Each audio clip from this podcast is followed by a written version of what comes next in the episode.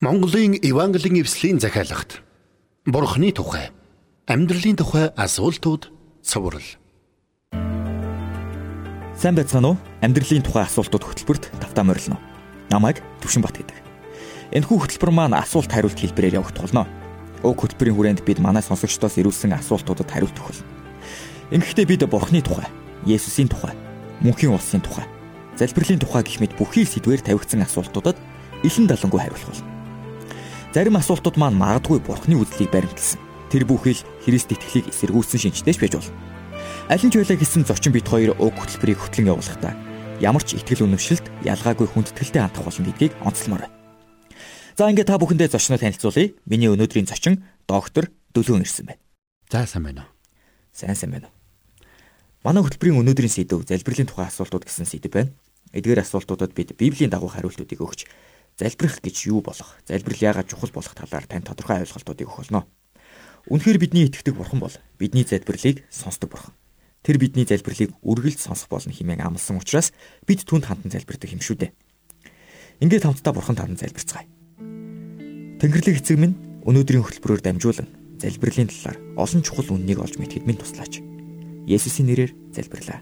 Амен. Амен. Ингээ хөтөлбөрөө эхлэе. Би асуултыг уншаад зочин маань хариултыг өгөх болно. Ингээд ихний асуулт. Залбирал гэж юу юм бэ? За залбирах гэдэг нь бурхантай ярих гэсэн үг. Та бид найз нөхөд гэр бүлийнхэнтэйгээ ярилцдаг шиг бурхантай ярилцах боломжтой. Хүмүүс анх бүтээгдэхдээ л бурхантай ярилцдаг байсан. Бурхан бидэнд хайртай учраас бидэнтэй ярилцахыг хүсдэг гэдгийг бид ойлгох хэрэгтэй. Нэгэн сонсогчийн маань асуулт байна. За, Би аль бурханд хандан залбирах ёстой юм бэ гэсэн байна. Үнэн дээр цорын ганц үнэн бурхан бий. Библиэд хэлэхдээ дээр тэнгэрт, доор газар дээр эзэн бол бурхан. Түүнээс өөр бурхан байхгүй гэсэн байдаг. Бурхан иш үзүүлэгч Исаягаар дамжуулан айлтгата. Би бүхнийг бүтээгч эзэн. Би өөрөө тэнгэрийг сунгаж, дэлхийг ганцаараа дэлгэсэн. Би эзэн. Өөр байхгүй гэдгийг наран мантахаас бас шингэхээс ч мэдэх болдгоо гэсэн байдаг. Үнэхээр бид орчдын ертөнцийг бүтээсэн агуу бурханд хандаж залбирдаг юм шүү. За энд нэгэн сонсогч бас Аа. хэрэгтэй асуулт асуусан байна. Залбирлыг бурхан сахиус, чөтгөр шулам, шиддэн байдаг гэдэгт итгэдэг эрт дээр үеийн хүмүүсийн мухар сүсгээс үлдсэн зүйл гэж боддог юм байна. Бурхан байдаг гэдэгт итгэдэггүй гин. Тиймээс залбирал гэдэг бол зүгээр л хүмүүс өөрөө өөртөө ярилцаж байгаа хэлбэр гэж ойлгодог гинэ. Орчин үеийн соён гэгэрсэн хүмүүс бурхан байдаг гэдэгт яаж итгэх, итгэж залбирч чадах юм бэ гэсэн Аха. За өөрийн үзэл бодлыг чөлөөтэйгээр илэрхийлсэн танд баярлалаа. Үнэн дээр бид бурхан байдаг гэдгийг мэдэж бас тэр бидний залбирлыг сонсдог гэдэгт итгэлтэй байж болно гэж би үздэг. Байгаль дэлхий өөрөө ч бурхан байдаг гэдгийг бидэнд гэрчилж байдаг. Библиэд хэлэхдээ ертөнц бүтээгдснээс хойш түүний үл үзэгдэх чанарууд, түүний мөнх хүч ба бурхан чанар нь бүтээгдсэн зүйлсээр дамжиж ойлгогдож, илэрхий харагдаж байгаа тул тэдэнд шалтгаан байхгүй гэсэн байдаг. Мөн Библийн өөр нэгэн хэсэгт Тэнгэр нь Бурхны сүр жавхланг зарлаж, огторгүй гарынхын бүтээлийг тунхаглаж байна. Өдрөөс өдөрт тэдгээр нь ярьж, шөнөөс шүнд мэдлэгийг илчилмүй гэсэн байдаг. Тэнгэрт буй нар сародод цаашилбал бүх бүтээлүүд бүтээгч Бурхнаа гэрчлэн тунхаглаж байдаг. Өнөөдөр хүмүүс ямар ч хилтэй, ямар ч улс үндэстэн байсан гэсэн байгаль дэлхийн хөлийг ойлгодог. Харин байгаль дэлхийн хүн төрлөختөнд бүтээгч бурхнаа тунхаглан гэрчилж байдаг юм. Цаашилбал бурхан бидний залбирлыг сонсдоо гэдгийг бид мэднэ. Бурхан бидний залбирлыг сонсдог гэдгийг Библиэд маш тодорхой өгүүлсэн байдаг. Бурхан бидний залбирлыг сонсож хариулдаг гэдгийг түүхийн хуудас ч бидэнд гэрчилдэг. Бид өөрсдийн амьдралын туршлагаараач Бурхан бидний залбирлыг сонсож хариултаа гэдгийг мэдхүлээ. Залбирал үнэхээр үр дүнтэй гэдгийг сонсогч нарт маань та тайлбарлаж өгөөч. За тэгье. Мэдээж залбирал гэдэг автомат машины өмнө ирээд зоолсон мөнгө хийгээд хүссэн зүйлээ авахтай адилгүй маа. Учир нь бид залбирлыг бурхнаас юм гуйж авах гэж ойлгож болохгүй. Залбирал бол хүмүүс бидний хувьд орчлон ертөнцийг бүтээсэн агуу бурхантай ярилцах боломж юм. Учир нь бурхан бидэнтэй ярилцаж бидний дуу хоолойг сонсохдоо бэлэн байдаг. Хэдийгээр хүмүүс бид бурхны ердөөл нэг бүтээл боловч бурхан бидэнд үнэхээр хайртай учраас бидний залбирлыг сонсохдоо дуртай байдаг. Тиймээс бурхан бидэнд ярих чадварыг өгсөн. Ойн амьтад тэнгэрийн шувууд, далайн загас бүгд бурханаар бүтээгдсэн зорилгын дагуу амьдардаг. Тэдний аль нь ч бурхантай ярилцах боломжгүй. Тиймээс тэр агуу бурхантай ярилцах боломжтой байна гэдэг хүмүүс бидний хувьд үнэхээр их аз завшин. Харин залбирал үр дүнтэй юу гэсэн асуултад би тийм ээ гэж хариулна. Бидний хүсч мөрөөдснөөс ч илүү үр дүнг авчирдаг. Үнэн дээр бурхан бидний залбирлыг сонсож хариулдаг гэдэг нь өөрөө л үгээр илэрхийлэх аргагүй ивэл ерөөл юм шүү дээ. Би залбирхдаа заавал чанга дугаар залбирх ёстой юу? Үгүй үгүй. Та заавал чангаар залбирх албагүй. А та зүрх сэтгэл, оюун санаандаа уруулаач хөдөлгөлгүйгээр чимээгүйхэн залбирч болно. Учир нь бурхан таны залбирлыг маш сайн байдаг. Энэ бол үнэхээр гайхамшигтай хэрэг. Бурхан бидний бодол санааг мэдэж байдаг гэдгийг Библиэд маш тодорхой хэлсэн байдаг. Библийн дуулал номд аяа эзэн та намайг судлан намайг мэдлээ. Миний сууж босхийг та мэддэг бөгөөд хаа холоос санаа бодлуудыг минь ойлгодог. Та миний зам мөрхийгэд хэвтхийг минь наривчлан үзэж замнал бүрийг минь сайн мэддэг. Хилэн дээр минь ганц үгч байхаас өмнө харагтун эзэн та бүгдийг мэддэг хэмээн шүлгэлсэн байдаг. Бурхан өнөөдөрч бидний бодол санааг хинээс ч илүүгээр мэдэж байдаг. Тиймээс ч Библиэд хүний эргцүүлэл нь дэми хоосон гэдгийг эзэн мэддэг гэсэн байдаг. Бид Бурханд залбирахаар хандах үед ч Бурхан бидний бодол санааг мэдэж байдаг. Тиймээс биднийг чимээгүйхэн залбирах үед ч Бурхан биднийг сонсч байдаг үлээ. Энэ дэлхий дээр 8 тэрбум хүн байхад бурхан яаж хүний бүрийн залбирлыг сонсдог юм болов? Хэрвээ дэлхийн өнцөг болон бүрээс хэдэн зуун мянган хүн нэгэн зэрэг залбирвал бурхан яаж тэднийг нэг бүрчлэн сонсох юм болов? Чухал сэдвийг хөндөж асуусан танд баярлалаа.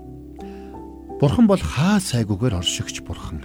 Энэ нь тэр хаа сайгүй нэгэн зэрэг байж чаддаг гэсэн үг. Тэр нэгэн зэрэг энэтхэгт, Оросд, Монголд гэд хаа сайгүйгээр оршин байж чаддаг. Тиймээс бурхан хүн нэг бүрийн залбирлыг хаа байгаа газраас нэгэн зэрэг сонсож чаддаг. Цаашилбал бурхан бүхнийг мэдгч. Энэ нь бурхан бүх зүйлийг мэддэг гэсэн үг. Тэр хүн бүрийн бодол санааг хүн бүрийн үг яриаг мэдэж байдаг. Энэ нь энэ дэлхий дээр байгаа бүх хүн бурханд хандан амаа нээлгүйгээр чимээгүйхэн залбирсан ч бурхан хүн нэг бүрийг сонсож ойлгож чадна гэсэн үг. Нөгөө тэгүр бид бурханд хандаж залбирснараа бурхныг баярлуулж байдаг гэдгийг бид ойлгох хэрэгтэй. Тийм ч учраас бурхан бидний залбирлыг заавал сонсож хариулдаг. Тэгэхээр би хаанаас ч залбирч болох уу? Тийм ээ. Та хаанаас ч залбирч болно. Учир нь бидний залбирал орон зайгаас хамааран хязгаарлагддаггүй. Иш үзүүлэгч Даниэл гэхэд өлсгөлэн арслангууд бүхий нүхэнд шүнийг өнгөрөхдөө бурханд хандан залбирч байсан нь эргэлзээгүй. Бурхан түүний залбирлыг сонсож маргааш өглөө Даниэл Персийн хаанд хандан Аяа хаант мөнх насалд дугай. Бурхан минь тэнгэр элчээ илгээж арслангуудын амийг тагалсанд арслангууд надад хор учруулсангүй. Учир нь би түүний өмнө гимгүйд тооцогдож бас хаантан танд ямар ч гим хор хийгээгүй хэмээн тунхагласан юм. Элч Паул болон түүний хамтрагч Силас хоёрч мөн грекийн шоронд байхдаа залбирч байсан. Иш үзүүлэгч Йона авраг загасны гидсэн дотроос залбирч байсан. Тэдний нэгэн адил таач бас ажлын өрөөндөө гадуур алхаж явахдаа ажиллаа хийж байхдаа гэд ямар ч үед бурханд хандан залбирч болно. Хүмүүс залбирхдаа нүдэ анцаадаг. Ер нь заавал нүдэ анх юу? За залбирхдаа хүсвэл нүдэ нээж болно эсвэл нүдэ ансан ч болно. Хэрвээ та өрөөндөө ганцаараа байгаа бол нүдэ аних нь таныг анхаарлаа төвлөрүүлэн бурханд хандаж залбирахад ч тустай байж болно. Эсвэргээрээ та гудамжинд алхаж явахдаа залбирхвал нүдэ битгий анаарай. Сонсогчийн асуулт байна. За. Залбирахтаа заавал өвдөх сүгдэх ёстой юу? За зарим тохиолдолд бид бурхны өмнө залбирахтаа толгой гудайлгах эсвэл өвдөх сүгдэх нь илүү тохиромжтой байх үе гэж бий. Энэ бол бурхны өмнө бууж өгч бурхныг имэн хүндэлж түүний өмнө даруугаар ирж байна гэсэн үг. Гэхдээ та залбирах бүрдээ заавал өвдөг сөгдөх албагүй. Учир нь та өвдөг сөгдөж байна уу үгүй юу гэдгээс илүү бурханд хандан залбирч байгаа нь л хамгийн чухал юм. Бид юу н залбирахдаа ямар нэгэн онцгой үг хэллэг ашиглах шаардлагатай болов уу? Та залбирахдаа заавал ямар нэгэн онцгой үг хэллэг ашиглах шаардлагагүй. Та зүгээр л өөрийнхөө үгээр өөрийнхөө арга замаар бурханд хандан ярахтлуулна. Учир нь бурхан таныг гарцаагүй сонсох болно. Бурхан бүх хэл, бүх аялгыг ойлгодог гэдэгт та бүрэн итгэлтэй байж болно. Тэгэхээр нэг ёсондоо би бурхантай найзтайгаа ярилцж байгаа юм шиг ярилцаж болно гэсэн үг. Тэгэлгүй яах вэ? Та бурхантай ярилцахдаа яг л найзтайгаа ярилцаж байгаа юм шиг харилцаж болно. Учир нь бурхан үнэхээр бидний найз бөгөөд бидэнтэй ярилцахдаа хизээд дуртай байдаг. Эндээс би нэг зүйлийг хэлмээр байна л да. Та намайг зөвөр ойлгоорой. А бид бурханд хандаж хизээж ямар ч үед залбирч болно. Бас хизээд өөрийнхөө түүнтэй ярилцаж болно. Гэхдээ тэр бол агуу бурхан гэдгийг бид үргэлж санах ёстой. Тиймээс бидний залбирал хөнгөн хийсвэр бурханыг үл тоосон байдалтай байж болохгүй. Бид бурханыг зүгээр нэг тэнгэр дээр байдаг хүн гэж эндүрч болохгүй маа. Тэр бол орчлын ертөнцийг бүтээсэн цор ганц бурхан. Тэр биднийг хайрладаг учраас бидэнтэй ярилцахдаа үргэлж дуртай байдаг юм шүү. Амен. Энэ хүрээд манай нэвтрүүлэг өндөрлөж байна. Нэгэнт та залбирлын талаар мэддэг болсон учраас Бурхан тандан өдөр бүр залбираарай гэж би хүсэж байна. Ингэхдээ та дараах энгийн хоёр алхмыг хийж болно. Нэгдүгээрт Бурханы ивэл өрөөлүүдийн төлөө Бурханд талархаарай. Хоёрдугаарт тантай хамт байж таныг өдөрдөн чийлүүлэхийг түүнээс гуйгаарай. Ингээд энэ цагийн төгсгөлд хамтдаа бурхан танд талархан залбирцгаая. Миний залбирахыг та анхааралтай сонсоорой. Дараа намайг дахин залбирх үед та намайг дагаад чин сэтгэлээсээ залбираарай. Бурхан эцэг минь цорын ганц хүү Есүс Христэ бидний төлөө дэлхийд илгээсэн танд баярлалаа. Миний залбирлыг сонсож хариулдаг танд талархъя. Есүсийн нэрээр залбирлаа. Амен. Амен. Одоо намайг дахин залбирх үед та миний хэлсэн үгийг давтан залбираарай. Ингэхдээ чангаар чин сэтгэлээсээ залбирахыг хүсэж байна.